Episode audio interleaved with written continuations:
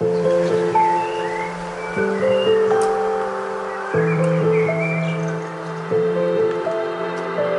hullám. Köszöntünk a fenntartható jövő hullám hosszán. Ez itt a Grindex podcastja Szújó Zoltánnal. Zöld hullám.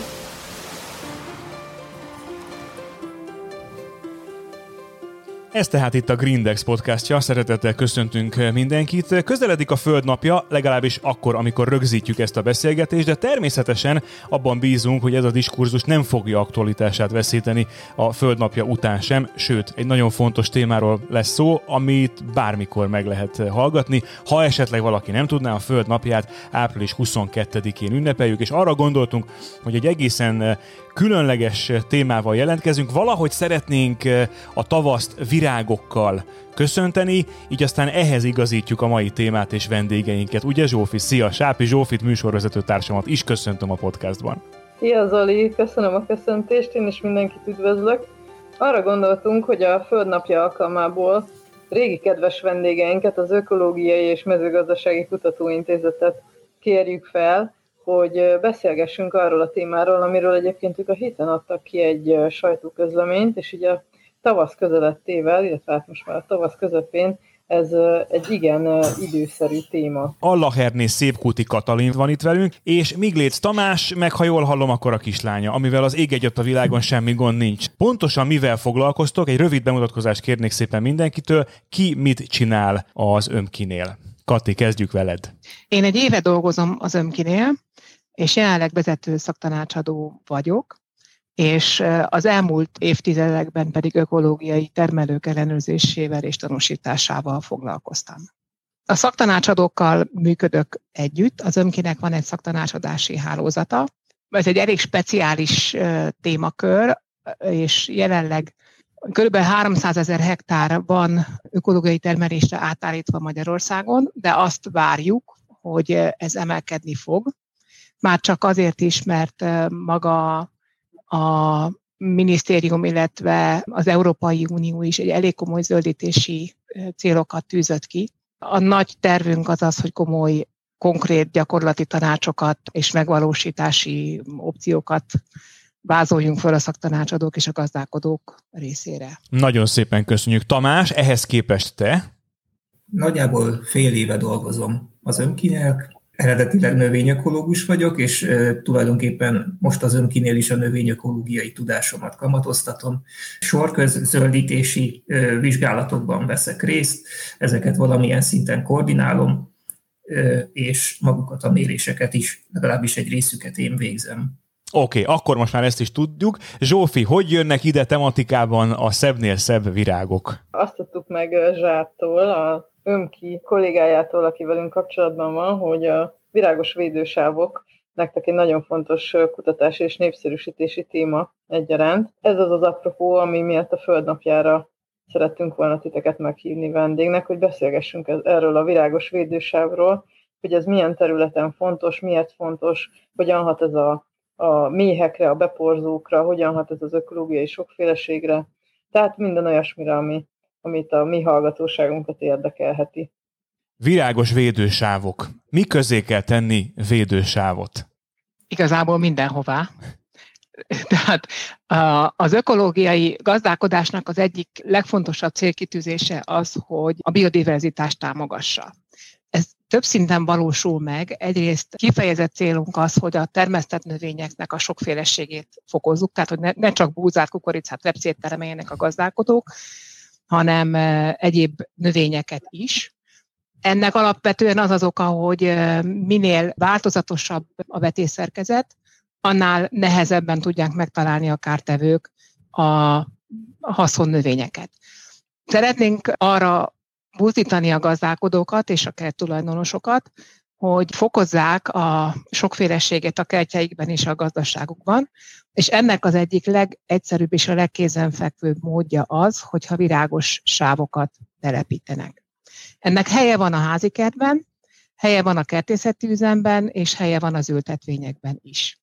És az apropója az nyilván a földnapja, másrészt pedig Ugye a területnek Tamás bizonyos értelemben szakértője, mert hogy az önki 2012 óta végez kísérleteket szőlőültetvényekben, szerte, az ország szerte, tehát ez a Tokai borvidéket, az Egri borvidéket, a Villányi borvidéket is lefedi, de Balaton felvidéken is vannak ilyen ültetvények, ahol kifejezetten szőlőültetvények esetén vizsgálták azt, hogy milyen növénytakaró kell eltelepíteni, amely a szőlőt növekedését, fejlődését sem hátráltatja, viszont védi a talajt, és otthont ad a hasznos megporzó szervezeteknek és a természetes ellenségeknek. Katalin, azt szerettem volna kérdezni, hogy az, hogy milyen virágokat ültetünk a kertbe, milyen virágokat ültetünk a védősávokba, ez mitől függ?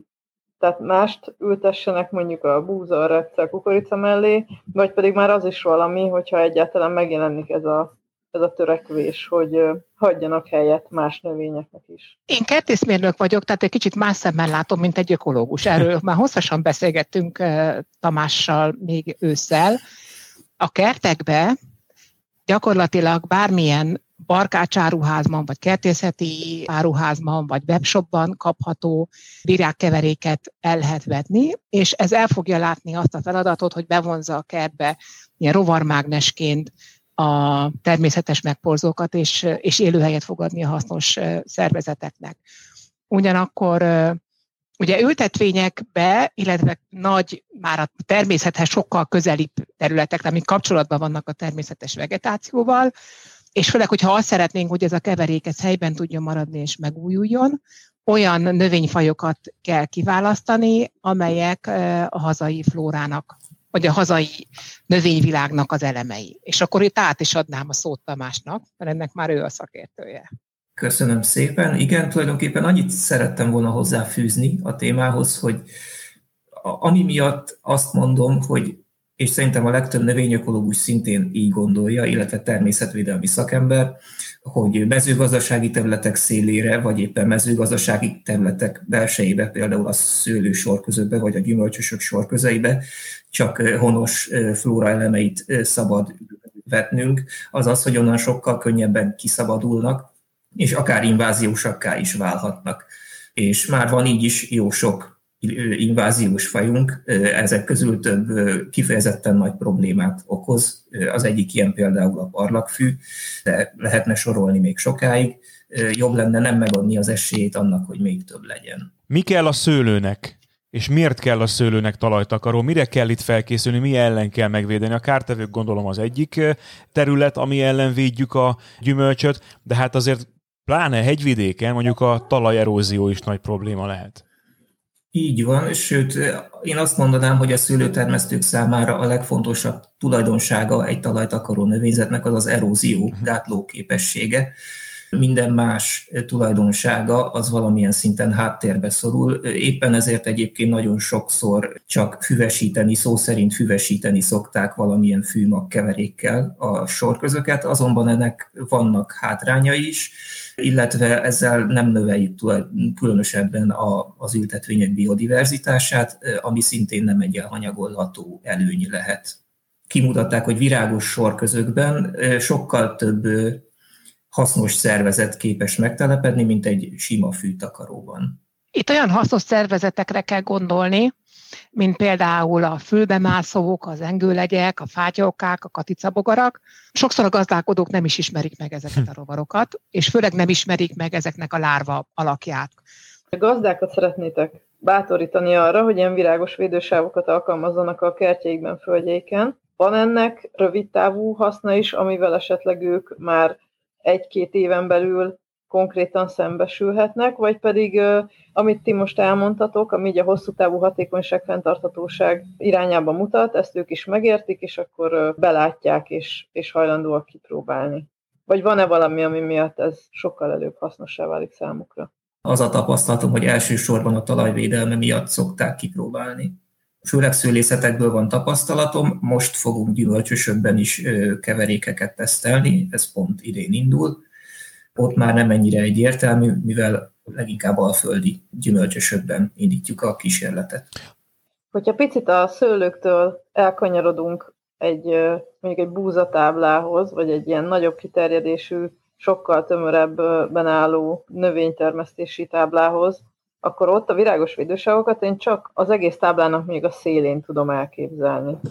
Pedig ugye egy akkora területről beszélünk, hogy az, hogyha mondjuk csak a szélén ezekből a virágokból, az, az, az gondolható, hogy annyira sokat nem biztos, hogy hat az egésznek a, a sokszínűségére, vagy a védelmére, vagy a kártevőire, stb. De egy nagy üzemi mezőgazdaságnál hogyan lehet azt megoldani, hogy, hogy egyáltalán ez, ez fölmerül-e, hogy kialakítsanak ilyen sorokat, amikor ugye a, a, gépi feldolgozás, meg a gépi aratás, az gondolom nem szereti azt, hogy, hogy ilyen védősávokat kerülgessen esetleg a, a területen, ahol ráadásul igen intenzíven szeretnének haszonhoz jutni, termeszteni ilyen növényeket. Tehát gondolhatják ezt mondjuk egy ilyen nagy tábla tulajdonosai, hogy, hogy ez tőlük elveszi a területet a, a termesztett növényeiktől.